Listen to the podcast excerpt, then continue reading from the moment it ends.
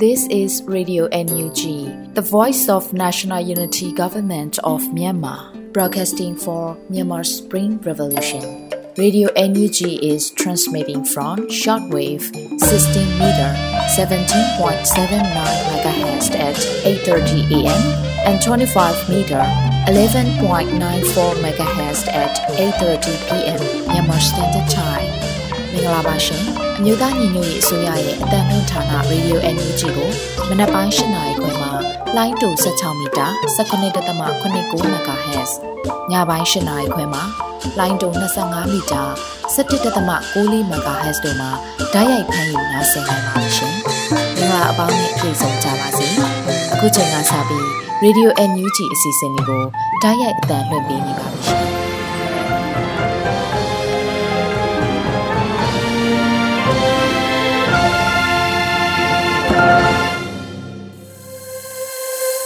မြန်မာနိုင်ငံသူနိုင်ငံသားအပေါင်းတဘာဝပြီးဆရာနာရှင်ပေတို့ကနေကင်းဝေးပြီးကိုစိတ်နှပါဘေးကင်းလုံခြုံကြပါစေလို့ရေဒီယိုအန်ယူဂျီဖွယ်သားများကဆုတောင်းမြတ်တာပို့သလာရပါတယ်။အခုချိန်ကစပြီးရေဒီယိုအန်ယူဂျီရဲ့ပြည်တွင်းသတင်းများကိုတော့ຫນွေဦးမှုမှဖတ်ကြားတင်ပြပေးပါမယ်ရှင်။မင်္ဂလာပါရှင်။နောက်ဆုံးရသတင်းများကိုတင်ဆက်ပေးသွားမှာပဲဖြစ်ပါတယ်။ခုတင်ဆက်မဲ့သတင်းတွေကိုတော့ Radio NUG သတင်းတာဝန်ခံတွေနဲ့ခိုင်လုံတဲ့မိဘသတင်းရင်းမြစ်တွေကအခြေခံတင်ပြထားတာဖြစ်ပါတယ်။ကျွန်မຫນွေဦးမော်ပါတော်လန်ရေးကနိုင်မာသေးကြပါတယ်လို့ NUG ပြည်ထောင်ရေးဝန်ကြီးကထပ်လောက်အာမခံတဲ့သတင်းကိုတင်ဆက်ပေးပါမယ်ရှင်။တော်လန်ရေးကအနိုင်ရမှာသေးကြပါတယ်လို့ပြည်ထောင်ရေးဝန်ကြီးဦးလင်ကိုလက်ကဆိုလိုက်ပါတယ်။မတ်လ15ရက်နေ့မှာမြို့သားညီညွတ်ရေးအစိုးရပြည်ထောင်ရေးဝန်ကြီးဦးလင်ကိုလက်ကလူမှုကွန်ရက်မှာရေးသားပြောကြားလိုက်တာဖြစ်ပါတယ်။ တော်လန်ရေးကနိုင်မာသေးကြပါတယ်။လိုအပ်တဲ့တက်ဆင်မှုတွေပြေဝသွားရင်ပုံမှန်ပဲလိုအပ်လာမှာကလာစဉ်ထောက်ပိုးစီနဲ့စစ်စင်ရေးစီပဲဖြစ်ပါတယ်။ရဲဘော်တူးချင်းစီအတွက်တစ်လကိုဒေါ်လာ20ပဲဖြစ်ပါတယ်။ဒီတနိုင်တစ်ပိုင်းလစဉ်ထည့်ဝင်မှုဟာလည်းဒေါ်လာရင်းမှာရှိတဲ့အနေအမြင့်အတက်အကျရေးခြင်းကိုကောင်းစွာရည်တည်တောင်းခံပြီးအနာယူနိုင်မဲ့မဟာဗျူဟာမြောက်တော့ချက်တစ်ခုဖြစ်ပါတယ်။တကမ္ဘာလုံးကပြည်တော်စုဘွားတူးချင်းစီကပါဝင်လိုက်တာနဲ့ဒေါ်လာရေးဘလောက်ကြာမလဲမေးစရာမလိုတော့ပါဘူးလို့ဝန်ကြီးကဆိုပါတယ်။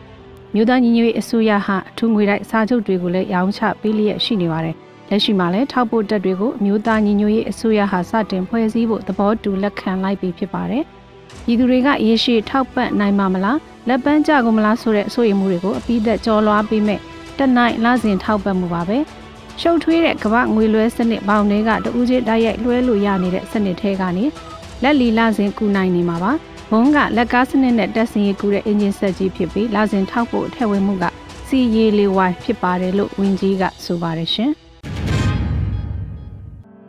လုံခြုံရေးကောင်စီကမြန်မာနိုင်ငံရဲ့အခြေအနေကို ICC ကိုလွှဲပြောင်းပေးရဲ့ NUG ကအစီရင်ခံစာတောင်းဆိုထားတယ်ဆိုတဲ့သတင်းကိုဆက်လက်တင်ဆက်ပေးပါမယ်။လုံခြုံရေးကောင်စီကမြန်မာနိုင်ငံရဲ့အခြေအနေကို ICC ကိုလွှဲပြောင်းပေးရန် NUG အစီရင်ခံစာကတောင်းဆိုလိုက်ပါတယ်။ မြို့သားညီညွတ်ရေးအစိုးရလူအခွင့်အရေးဆိုင်ရာဝန်ကြီးဌာနကနိုင်ငံတကာကအရေးယူရလိုအပ်တဲ့စစ်ကောင်စီရဲ့ဆိုးရွားတဲ့ရာဇဝတ်မှုများအစီရင်ခံစာကိုကုလသမဂ္ဂလူအခွင့်အရေးကောင်စီ46ကြိမ်မြောက်အစည်းအဝေးသို့တင်သွင်းခဲ့မှုရသိရပါတယ်။မတ်လ16ရက်အစည်းအဝေးခန်းစာဆိုင်ရာထုတ်ပြန်ချက်မှာလူအခွင့်အရေးကောင်စီကယာယီခုံရုံးတစ်ခုဖွဲ့စည်းပေးရင်ဆီယနာရှင်ကိုလုံခြုံရေးကောင်စီကရှုံချရန်အပါအဝင်မြန်မာနိုင်ငံရဲ့အခြေအနေကို ICC သို့လွှဲပြောင်းပေးရန် မြန်မာစစ်အုပ်စုကိုအကြမ်းဖက်စရင်သွင်းတတ်မှတ်ပေးရန်စတဲ့အချက်တွေပါဝင်ပါတယ်။စုစုပေါင်းအစီရင်ခံစာအရအချက်၁၂ချက်ပါဝင်ပြီးစစ်အုပ်စုကိုလက်နက်ရောင်းချမှုတားမြစ်ပိတ်ပင်ရန်တို့ပါဝင်ကြောင်းသတင်းရရှိပါရရှင်။စစ်ကောင်စီတပ်များနဲ့ PDF ကလေးတရင်တစ်တို့၃ရက်တာတိုက်ပွဲဆက်လက်ဆင်နွှဲနေတဲ့ဆိုတဲ့သတင်းကိုတင်ဆက်ပေးပါောင်းမယ်။စစ်ကောင်စီတပ်များနဲ့ PDF ကလေးတရင်တစ်တို့ဟာ၃ရက်တာတိုက်ပွဲဆက်လက်ဆင်နွှဲနေကြတယ်လို့သတင်းရရှိပါရယ်။မတ်လ16ရက်မှာလဲ စစ်ကောင်စီတပ်တွေနဲ့တိုက်ပွဲဖြစ်ပွားနေတယ်လို့ PDF ကလေးကဆိုပါတယ်။ကျွန်တော်တို့ PDF ကလေးတရင်တစ်နဲ့အတူပူပေါင်းမဟာမိတ်တပ်ဖွဲ့ဝင်များဟာစစ်ကောင်စီအကြမ်းဖက်တပ်များနဲ့ဒီကနေ့ပါဝင်၃ရက်တာတိုက်ပွဲများပြင်းထန်နေလျက်ရှိပါတယ်။ဒါကြောင့်ပြည်သူများအနေနဲ့ကလေးမျိုးနဲ့တောင်ပိုင်းကိုခီးသွွာလာခြင်းများမပြုလုပ်ကြပါနဲ့အထူးသတိပေးအပ်ပါတယ်လို့ဆိုထားပါတယ်စစ်ကောင်စီတပ်တွေဟာကလေးမျိုးကိုတာလွန်အင်အားနဲ့စစ်ကြောင်းထိုးလျက်ရှိပြီးတော့လက်နက်ကြီးပစ်ကူများလည်းအသုံးပြုလျက်ရှိနေပါတယ်ရှင် ပြည်သူများအတွက် Solar Guidebook NUG ကထုတ်ပြန်နေဆိုတဲ့သတင်းတင်ဆက်ပေးပါမယ်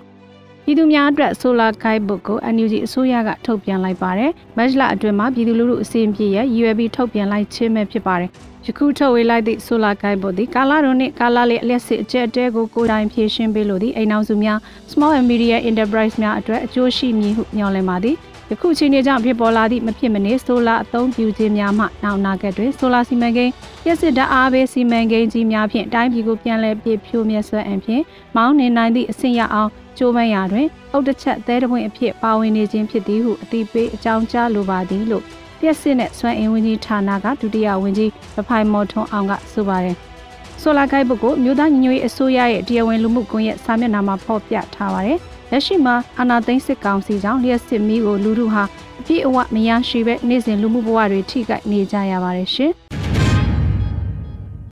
တောင်ကြီးမြို့ကမ္ဘောဇဘန်းနှင့် ATM ဆက်ကိုဖောက်ခွဲခဲ့တဲ့သတင်းကိုတင်ဆက်ပေးပါမယ်။တောင်ကြီးမြို့ကမ္ဘောဇဘန်းနှင့် ATM ဆက်ကိုယမန်နေ့ညကဖောက်ခွဲခဲ့တယ်လို့ DGF ပျောက်ကြားအဖွဲ့ကထုတ်ပြန်လိုက်ပါတယ်။မတ်လ15ရက်ည9နာရီမှာကမ္ဘောဇဘန်းနှင့် ATM ဆက်ကိုဖောက်ခွဲမှုပြုလုပ်ခဲ့ရမှာ ဆက်နှဲငယ်ထိခိုက်ပြီးမီးလောင်ခဲ့တယ်လို့ DGF ပျောက်ကြားတက်ကဆိုပါတယ်။ဆိုပါဖောက်ခွဲမှုပြုလုပ်တဲ့ပျောက်ကြားတပ်ဖွဲ့ဝင်များကိုစစ်ကောင်စီတပ်များနဲ့အတူနီးနားမှာရှိတဲ့ပြည်သူများကပါအတူလိုက်လံဖမ်းဆီးပေးနေတယ်လို့ DGF ကဖော်ပြပါတယ်။၎င်းခြေအနေနဲ့ပတ်သက်ပြီးနောက်တွင်မရှင်အောင်မြင်ကိုသာအဓိကထားဆောင်ရွက်မည်ဖြစ်ကြောင်းနဲ့ထိခိုက်မိသူများရှိပါက၎င်းတို့နဲ့မသက်ဆိုင်ကြောင်း DGF ကထုတ်ပြန်လိုက်ပါတယ်ရှင်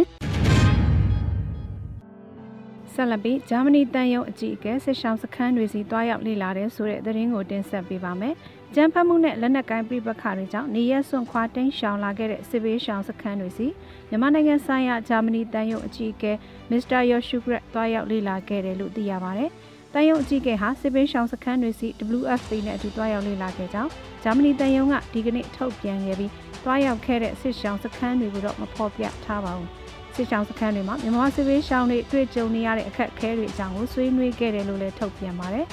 ပြည်သူတွေကြုံတွေ့ခံစားနေရတာတွေကိုကျွန်တော်တို့ပြည်စဉ်အတွင်းနားထောင်ခဲ့ပါတယ်။သူတို့ရဲ့အတွေ့အကြုံဖြစ်ရတွေကိုကြားသိရတာဟာကျွန်တော်တို့ရဲ့လူသားချင်းစာနာထောက်ထားမှုဆိုင်ရာဆောင်ရွက်ချက်တွေကိုပုံမကောင်းမှုစွာညှိနှိုင်းဆောင်ရွက်ဖို့အတွက်အလွန်ပဲအရေးကြီးပါတယ်။ဒါနဲ့ဆက်လင်းပြီးတနိုင်ငံလုံးကမြန်မာပြည်သူတွေအတွက်လိုအပ်တဲ့ထောက်ပံ့မှုတွေပေးနေတဲ့ WFP ရဲ့လှုံ့ဆော်ချက်တွေကိုကျွန်တော်တို့အလေးအနက်သိမှတ်ပြုပါတယ်လို့ပြောပါတယ်။ ဂျာမနီနိုင်ငံဟာ WFP မြန်မာအတွက်ယူရို9သန်းကိုယမန်နှစ်ကထည့်ဝင်ပံ့ပိုးပေးခဲ့ပြီးနာဂတ်မှာလည်းဆက်လက်ပံ့ပိုးသွားမယ်လို့လည်းထုတ်ပြန်ချက်မှာဖော်ပြထားပါတယ်ရှင်။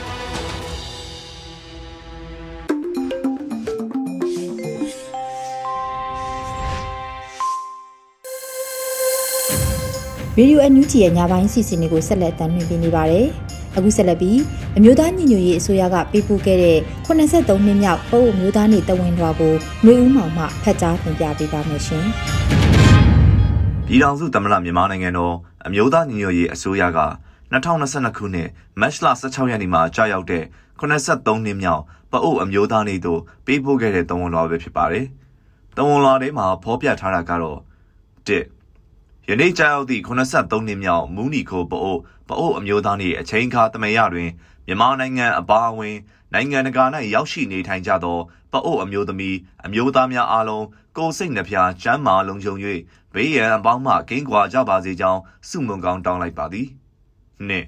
1948ခုနှစ်မတ်လတွင်ဖလာပလာအစိုးရရဲ့မြေယာခွဲဝေရေးမူဝါဒကိုလက်မခံနိုင်ကြသောထုံဒေသရှိပအိုလယ်သမားတထောင်ကျော်သည် ပအိုတောင်သူအဖွဲ့ချုပ်ရဲ့ဦးဆောင်မှုအောက်၌တထုံမြို့ရေကျော်ဘုံကြီးကျောင်းတွင် လူမှုအစည်းအဝေးကြီးတစ်ရက်ကျင်းပခဲ့သည်။ယင်းအစည်းအဝေးကြီးတွင်မြေယာခွဲဝေရေးမူဝါဒကိုပြန်လည်ရုပ်သိမ်းပေးအပါအဝင်မိမိတို့လူမျိုးအမည်ကိုတောင်သူဟုခေါ်ဆိုရေးသားခြင်းမပြုဘဲပအိုဟုသာခေါ်ဆိုရေးသားပေးကြရန်တောင်းဆိုခဲ့ကြသည်။ ထို့အပြင်1949ခုနှစ်ကစပြီးတပေါင်းလားပြည်နေ့တွင်ပအို့လူမျိုးများကျင်းပလေရှိသည့်ကောက်တစ်ပူဇော်ပွဲနေ့ကိုပအို့အမျိုးသားနေ့အဖြစ်ပြောင်းလဲကျင်းပရန်ဆုံးဖြတ်ခဲ့သည်၃ပအို့လူမျိုးများသည်လွန်ခဲ့သည့်နှစ်3000ဝန်းကျင် BC 1000ဝန်းကျင်ကလေးကပင်မျက်မှောက်ခေတ်မွန်ပြည်နယ်တထုံဒေသ၌အခြေချနေထိုင်ခဲ့ကြသည့်ဌာနေတိုင်းရင်းသားလူမျိုးဖြစ်သည်နှစ်3000ကြာဖြတ်တန်းလာခဲ့သည့်တမိုင်းတက်လျှောက် နိုင်ငံရေးအရာချိုးချင်းခါချင်းအဆရှိသည့်အတွေ့အကြုံပေါင်းမြောက်များစွာကိုရင်ဆိုင်ခဲ့ကြပေမည်ထို့အတူနှစ်ပေါင်း3000ကြာနိုင်ငံရေးအခင်းအကျင်းမျိုးစုံအောက်တွင်ကြက်ကြက်ခံဖြတ်တန်းလာခဲ့သည့်ပအို့လူမျိုးများရဲ့ကြက်ခိုင်မှုနှင့်ဇွဲလုံးလာများကိုချီးကျူးဂုဏ်ပြုအပ်ပေသည်၄2022ခုနှစ်ဖေဖော်ဝါရီလ1ရက်နေ့တွင်တပ်မတော်ကနိုင်ငံတော်အာဏာကိုထပ်မံလူယူသိမ်းပိုက်ရန်ကြိုးစားလာခဲ့တဲ့အခါပအိုလူမျိုးများစွာကလက်မခံဆန့်ကျင်ခဲ့ကြသည် ယခုအခါစစ်အာဏာရှင်စနစ်အပါအဝင် အာဏာရှင်စနစ်ဟူသည်များကိုပြက်ပြက်သားသားစန့်ကျင်တိုက်ဖြတ်ပြီး Federal Democracy ပြည်ထောင်စုကိုတိဆောက်လိုကြသည့်ပအိုအင်အားစုများအနေဖြင့်ပအိုအမျိုးသား Federal Council ပအို National Federal Council ရဲ့ဥဆောင်မှုအောက်၌အတူတကွစုစည်းပြီးလက်တွေ့ကျသည့်နိုင်ငံရေးအခင်းအကျင်းတွေသို့ဝင်ရောက်ဆင်နွှဲနေကြသည်ကိုလည်းတွေ့ရှိရသည့်အတွက်များစွာဝမ်းမြောက်ဂုဏ်ယူမိပါသည်။ငါ ယနေ့ကြာရောက်သည့်83နှစ်မြောက်မူနီခိုပအိုပအိုအမျိုးသားနေ့မှစ၍စစ်အာဏာရှင်ချုပ်ငြိမ်းရေးပအိုအမျိုးသားလွတ်မြောက်ရေးစစ်မှန်သော Federal Democracy ပြည်ထောင်စုတည်ဆောက်ရေးအတွက်ပအိုအမျိုးသမီးအမျိုးသားများပါဝင်ဆင်နွှဲနေကြသောလွတ်မြောက်ရေးကြိုးပမ်းအားထုတ်ဆောင်ရွက်မှုများလင်းမြန်စွာပြီးမြောက်အောင်မြင်နိုင်ပါစေကြောင်းစုမုံကောင်းတောင်းရင်ဤတဝန်လွာကို ပေးပို့အပ်ပါသည် အမျိုးသားညီညွတ်ရေးအစိုးရဟူ၍ပါရှိပါရခင်ဗျာ။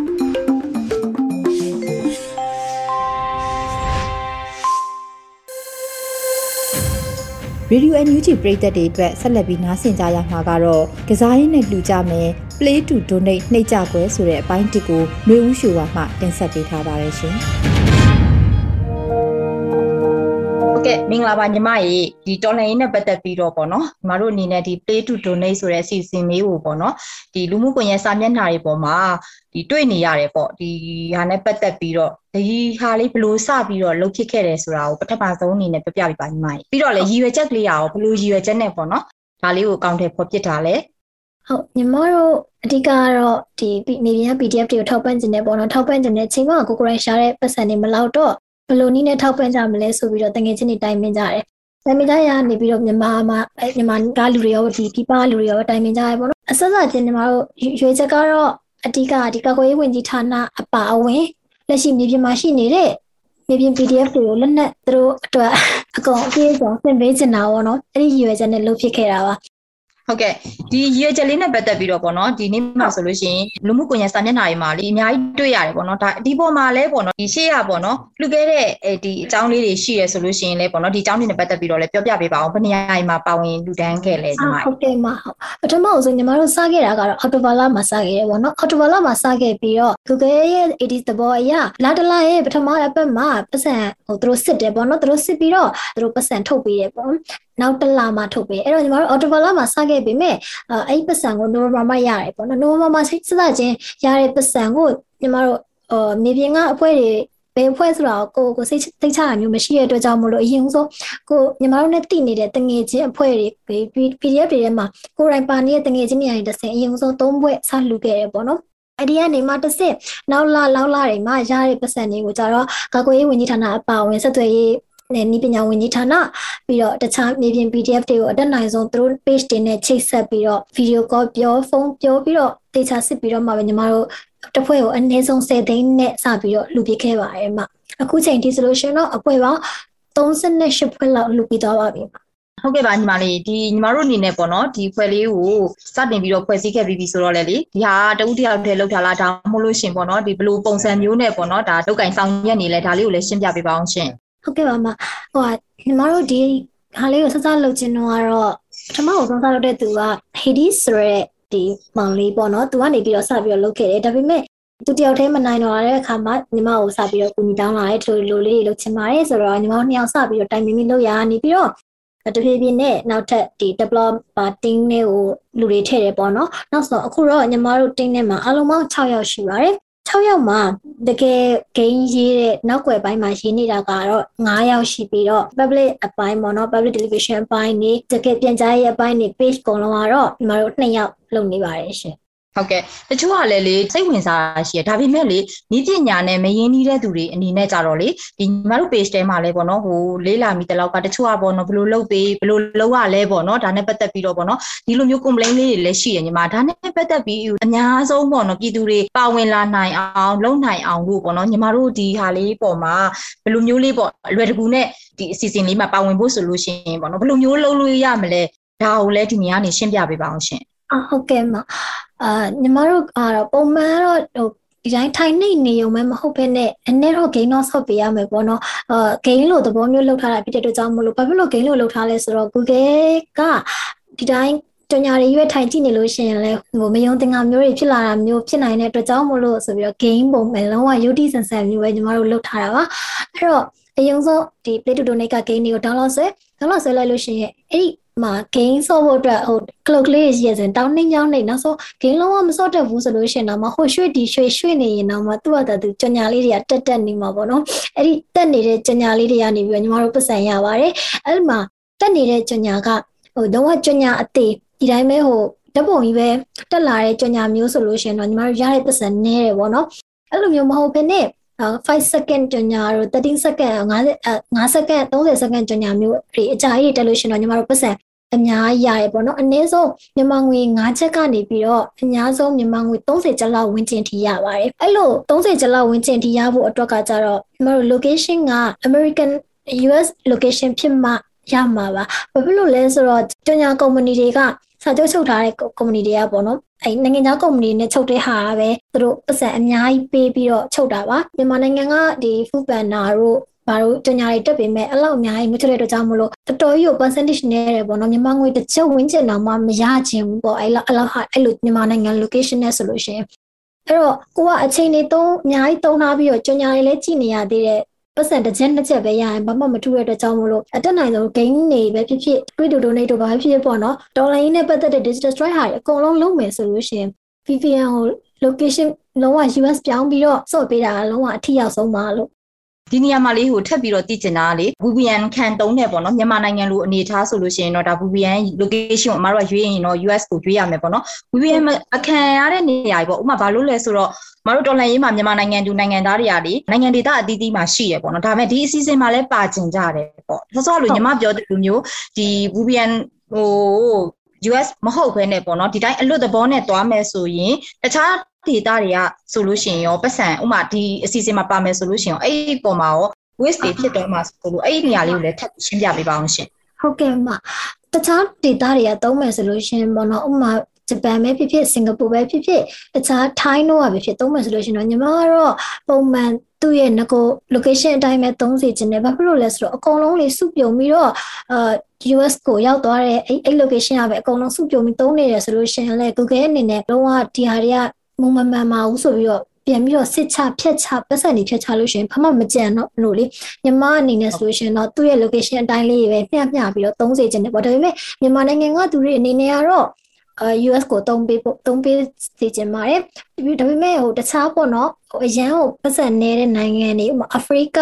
လိုနိုင်ငံမျိုးတွေကြတော့တင်ညာတက်တာတို့ဘာလို့နေတယ်အဲ့လိုနိုင်ငံမျိုးတွေဆိုလို့ရှိရင်တော့ US location ပြောင်းပေးတာအကောင်းဆုံးပါပဲတကယ်ဟိုနဲ့ကြီးရဲ့နိုင်ငံတွေနိုင်ငံကြီးရဲ့အဲ့လိုတင်ညာတွေပါရှိရဆိုတဲ့နိုင်ငံမျိုးတွေကတော့ဒီတိုင်းပဲသူ့ရဲ့ငကို original location နဲ့တုံးပေးလို့ရပါတယ်မှာဟုတ် ကဲ့ဒါဆိုရင်လေဒီပေါ်မှာထပ်ပြီးတော့မေးချင်တာပေါ့နော်ဒီတစ်ခါကြည့်ပြီးပြီဆိုရင်နောက်တစ်ခါတစ်ခါကြည့်ရင်ရောဒီအတွက်ကိုပေါ့နော်ညီမတို့အနေနဲ့ဒီ rapid သွားလဲဆိုလို့ရှိရင်ပေါ့နော် rapid လေးနှိပ်တယ်ပေါ့ဒီဟာကိုကြည့်မယ်ဆိုရင်ပတ်စံလေဟိုတစ်ခါကြည့်ရင်တစ်ခါထပ်ပြီးတော့အဲ့လိုမျိုးရလာပေါ့နော်အာဟုတ်ကဲ့မပတ်စံကတစ်ခါကြည့်ရင်တစ်ခါရပါတယ်။ तू ကအာကျညာကျညာကကြတော့သူတို့ဒီ Google နဲ့ကျညာ company နဲ့ချုပ်ထားတဲ့စာချုပ်ပုံမှာမူတည်ရဲပေါ့နော်။အဲ့ဒီမှာဆိုလို့ရှိရင်ညီမတို့ ECPN rate လို့ခေါ်တဲ့ ဟိုဒီပတ်စံပေးတဲ့ပုံစံတစ်ခုရှိရပေါ့နော်အဲ့ဒီပတ်စံပေးတဲ့ပုံစံဘယ်လိုလဲဆိုတော့ဒီကြညာတစ်ခုအခါတစ်ထောင်ပြပေးလို့လူရောက်တစ်ထောင်ကအခါတစ်ထောင်ကြည့်သွားရဲဆိုလို့ရှိရင်အဲ့ဒီရတဲ့ကြညာ rate ကိုနောက်ထပ်3.5ရာခိုင်နှုန်းနဲ့ထပ်မြောက်ပြီးတော့ပတ်စံထပ်ပေးရအဲ့လိုဟာမျိုးရှိရပေါ့နော်အဲ့တော့ထက်ခါထက်ခါဒီကြညာကိုပဲမြင်နေရလဲဘာမှမဖြစ်ပါဘူးလို့ဟိုကြည့်ပေါ့နော်ကြည့်ပြီးတော့ပိတ်လိုက် ပြီးရင်ပြန်ကြည့်လို့ရပါတယ်ဒါပေမဲ့အဲ့ဒီပြနေတဲ့ကြညာထက်ခါတစ်ခါဒါလည်းဖြစ်စဉ်ဖြစ်ပဲအမျိုးမျိုးလည်းပြောင်းရင်လည်းပြောင်းနေမယ်အဲ့ဒါကကြတော့ဒီတည်းကသူ့ဘာသာသူအော်တိုပြပေးနေတာဖြစ်တဲ့အတွက်ကြောင့်မလို့ညီမတို့လည်းဟိုရွေးချယ်လို့မရဘူးပေါ့နော်ဒါပေမဲ့ထက်ကထက်ကလာနေတာမျိုးကဖြစ်နိုင်ပါတယ်လို့ဟုတ်ဟုတ်ကဲ့ဒါဆိုရင်ထက်ကထက်ကစော့ခြင်းအဖြစ်ပေါ့နော်ဒီဝင်ငွေပို့ပြီးတော့ရနိုင်တယ်ဆိုတော့အထိပ္ပယ်လေးရှိတာပေါ့နော်ညီမနော်ဟုတ်ဟုတ်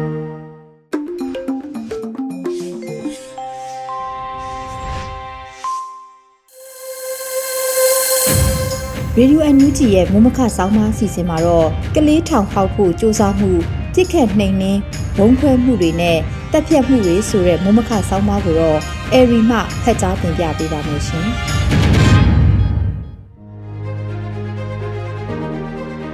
ကလေးထောင်ဖောက်ဖို့စူးစမ်းမှုပြစ်ခတ်နှိမ်နှင်းဘုံကွဲမှုတွေနဲ့တက်ပြတ်မှုတွေ။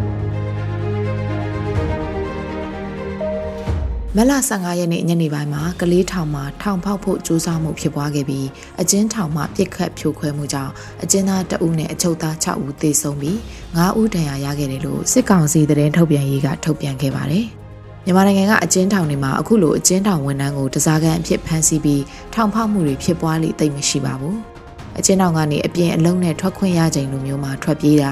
လွန်ခဲ့တဲ့နှစ်ပိုင်းတွေကဖအံထောင်မှာအပြင်အလုံးထွက်လို့တဲ့ကားကိုတက်မောင်းပြီး ထောင်တကားကိုကားနဲ့တိုက်ဖွင့်ကထွက်ပြေးခဲ့တဲ့ဖြစ်ရတစ်ခုသာရှိခဲ့တာဖြစ်ပါတယ်။အခုကလေးထောင်အဖြစ်ပြမှာတော့ထောင်ဝင်တန်းလက်ထောက်ညွှန်ကြားရေးမှူးနဲ့တခြားဝန်ထမ်း2ဦးတို့ကိုတစားကန်အဖြစ်ဖမ်းဆီးကထောင်တကားပွင့်အောင်စူးစမ်းကြတာဖြစ်ပြီးအချို့သောနိုင်ငံတွေကထောင်ဖောက်မှုတွေနဲ့အလားတန်တူပါတယ်။ဒါပေမဲ့အကျဉ်းထောင်ဝန်ထမ်းတွေကတနက်ကိုမိုးပေါ်ထောင်ဖောက်ပြီးတတိပေးမှုနောက်မှာထောင်ဖောက်ဖို့စူးစမ်းသူတွေစီပြစ်ခတ်နှိမ်နင်းခဲ့တာကြောင့်စစ်ကောင်စီကထုတ်ပြန်ချက်အရ9ဦးသေဆုံးခဲ့တယ်ဆိုပြီး အမှန်တကယ်ထိခိုက်သေးဆုံးမှုအချက်လက်ကကွဲလွဲကောင်းကွဲလွဲနိုင်ပါသေးတယ်။ဘာကြောင့်အခုလိုအကျဉ်းထောင်ဖောက်ဖို့စေစော်စေတယ်လဲဆိုရင်အခုလက်ရှိအခြေအနေကပုံမှန်ဥပဒေစိုးမိုးမှုရှိတဲ့အခြေအနေမျိုးမဟုတ်ပဲအကယ်၍သာကလေးအကျဉ်းထောင်ကနေဖောက်ထွက်နိုင်ရင်စစ်ကောင်စီကိုတိုက်ခိုက်နေတဲ့ပြည်သူ့ကာကွယ်ရေးတပ်ဖွဲ့လို area တွေစီချက်ချင်းရောက်ရှိနိုင်တာကြောင့်အခုလိုထောင်ဖောက်ဖို့ကြိုးစားကြတာလို့ကောက်ချက်ချနိုင်ပါတယ်။နိုင်ငံရေးအခြေအနေမတည်မငြိမ်ဖြစ်တာစစ်ကောင်စီတပ်တွေနဲ့လက်နက်ကင်တိုက်ပွဲတွေက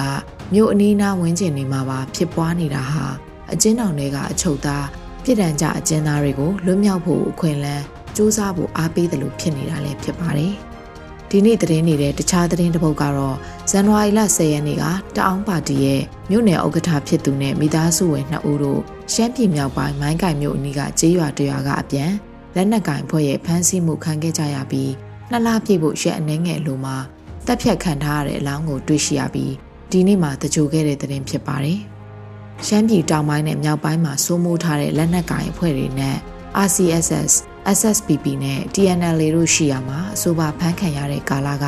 အဲ့ဒီကျေးရွာတဝိုက်မှာ RCSS ကစိုးမိုးထားတယ်လို့ဆိုပါတယ်။ဖမ်းဆီးခံရပြီးနောက်သတင်းမီဒီယာတွေကပါတီဥက္ကဋ္ဌနဲ့မိသားစုဖမ်းဆီးခံရတဲ့သတင်းကိုမကြာခဏဖော်ပြခဲ့ကြပေမဲ့လည်းဘယ်လက်နက်ကင်အဖွဲ့ကမှသူတို့ဖမ်းထားတယ်လို့ဝန်မခံခဲ့ကြပဲလားနေချီပျောက်ဆုံးပြီး ခုရက်ပိုင်းမှာအလောင်းကိုတွေ့ရှိရတာဖြစ်ပါတယ်။ဒီလိုအရက်သားလေးဖြစ်ကြပြီးလက်နက်ကင်လှုပ်ရှားမှုနဲ့ဆက်ဆက်ခြင်းမရှိတဲ့နိုင်ငံရေးပါတီခေါင်းဆောင်နဲ့သူ့ရဲ့အမျိုးသမီးမိသားစုဝင်လာသားကလေးငယ်တွေအားလုံးကိုတပ်ဖြတ်တာဟာကျူးလွန်တဲ့အဖွဲ့အစည်းဖို့တမိုင်းမှာနာမည်ဆိုးတွင်ကြံရမှာသိကြပါတယ်။ဒီလိုအဖြစ်အပျက်တွေကစစ်ကောင်စီတပ်တွေ PDF နှိမ်နင်းတဲ့အခါတိုင်းသားလက်နက်ကင်ဒေသတွေကိုဝင်ရောက်တိုက်ခိုက်တဲ့အခါမှာကျူးလွန်လေးရှိပြီး၎င်းတို့ကိုစန့်ကျင်တိုက်ခိုက်နေတဲ့ ဒေသလူမျိုးစုလွတ်မြောက်ရေးအတွက်ရည်မှန်းချက်ထားပြီးလက်နက်ကင်တိုက်ခိုက်နေတဲ့အဖွဲ့အစည်းတစ်ခုအနေနဲ့ကျူးလွန်တာမျိုးက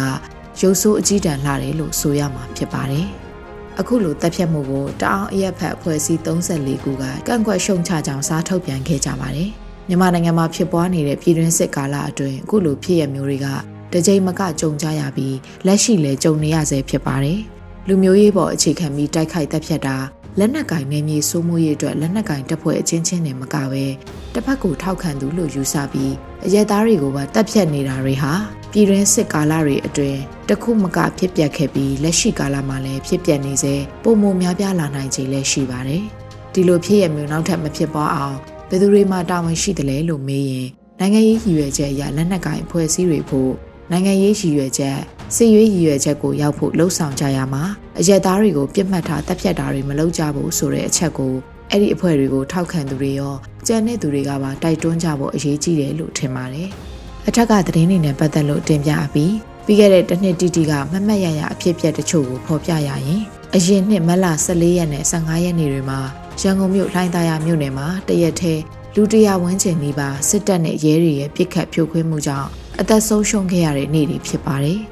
ကားလမ်းမတွေလမ်းတွေတွေပိတ်ဆို့ဆန္ဒပြမှုကိုကြည်အစ်စ်တွေနဲ့တရဆက်ပစ်ခတ်တာကြောင့်မက်လ14ရက်နဲ့15ရက်နေ့မှာပစ်ခတ်မှုတွေကြောင့်စားရေးတောက်ရေးအတွက်နေအိမ်အပြင်မထွက်ရလောက်အောင်ဖြစ်ခဲ့ရတဲ့လှိုင်းသာယာမြို့နယ်ကအလုသမားနဲ့မိသားစုတွေမက်လ16ရက်နေ့မှာတိန်းနဲ့ချီပြီးနေမျိုးတွေကျေးရွာတွေစီပြန်ကြတဲ့အဖြစ်ပြက်တွေဖြစ်ပျက်ခဲ့ပါတယ်။လှိုင်းသာယာမြို့နယ်ဟာလူဦးရေ9သိန်းလောက်ရှိတာမို့လူဦးရေထူထပ်ပြီးအလုသမားတွေနဲ့လက်လုံလက်စားမိသားစုတွေ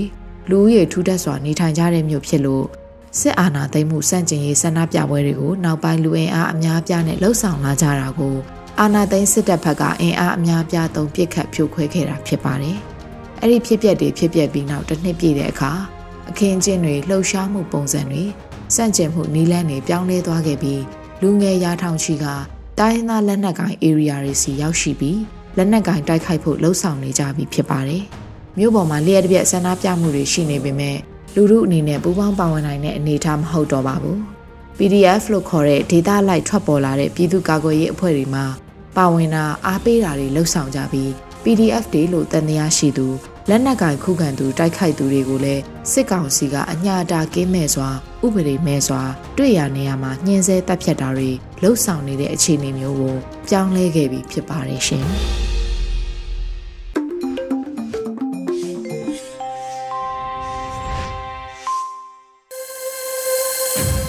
အခုဆက်လက်ပြီးတော်လှန်ရေးအောင်နမိတ်ဒေဂီတာအနေနဲ့ပြည်တော်ဝင်တေးသချင်းကိုနားဆင်ကြရမှာဖြစ်ပါတယ်။ A1 ဆရာညာကရေးဆက်ထားပြီးရာဇာဝင်းတင်းကတီးဆိုပေးထားပါတယ်ရှင်။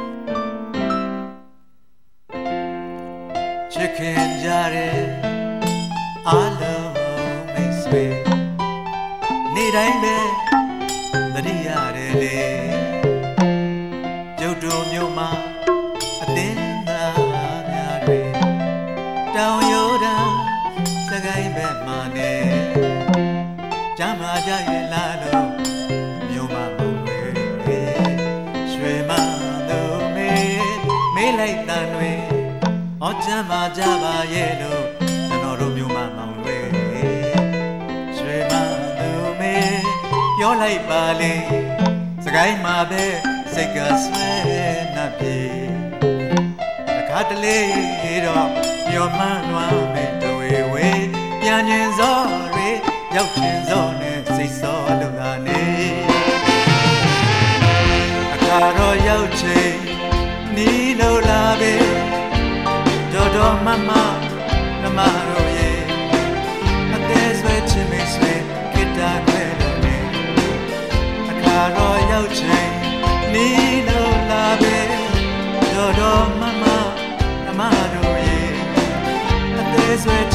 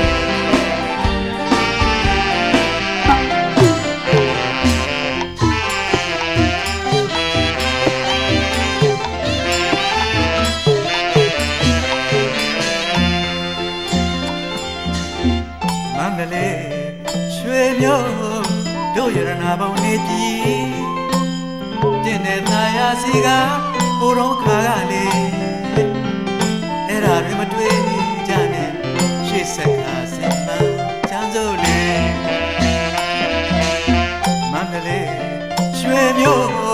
တို့ရတနာပေါင်းနေပြီတင်းတဲ့သားရစီကဟိုတော့ခါကလေ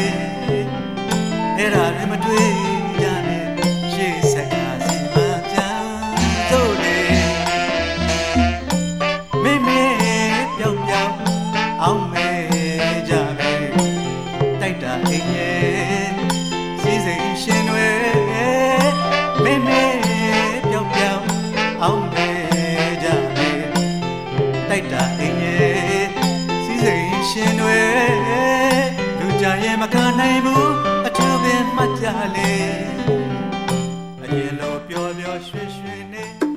ဒီကနေ့ကတော့ဒီညနဲ့ပဲ Radio NUG ရဲ့အစီအစဉ်လေးကိုခਿੱတရနာလိုက်ပါမယ်ရှင်မြန်မာစံတော်ချိန်မနက်၈နာရီခွဲနဲ့ည၈နာရီခွဲအချိန်တွေမှာပြန်လည်ဆုံတွေ့ကြပါစို့ Radio NUG ကိုမနက်ပိုင်း၈နာရီခွဲမှာလိုင်းတူ16မီတာ19.8 MHz ညပိုင်း၈နာရီခွဲမှာလိုင်းတူ25မီတာ17.6 MHz တို့မှာဓာတ်ရိုက်ဖမ်းလို့နားဆင်နိုင်ပါပြီ။ မြန်မာနိုင်ငံသူနိုင်ငံသားတွေကိုစိတ်နှပြကျန်းမာချမ်းသာလို့ဘေးကင်းလုံခြုံကြပါစေလို့ Radio NUG အဖွဲ့သူဖွဲ့သားတွေကဆုတောင်းမြတ်တာပို့တာနေပါတယ်ရှင်။မြေသားညီမတွေအစိုးရရဲ့စက်တော်ရင်သတင်းအချက်အလက်တွေလုပ်ပြညာဝန်ကြီးဌာနကထုတ်လွှင့်နေတဲ့ Radio NUG ဖြစ်ပါတယ်။ San Francisco Bay Area အခြေစိုက်မြန်မာမိသားစုတွေနဲ့နိုင်ငံတကာကစေတနာရှင်တို့အားပေးနေတဲ့ Radio NUG ဖြစ်ပါတယ်။အရေးတော်ပုံအောင်ရမည်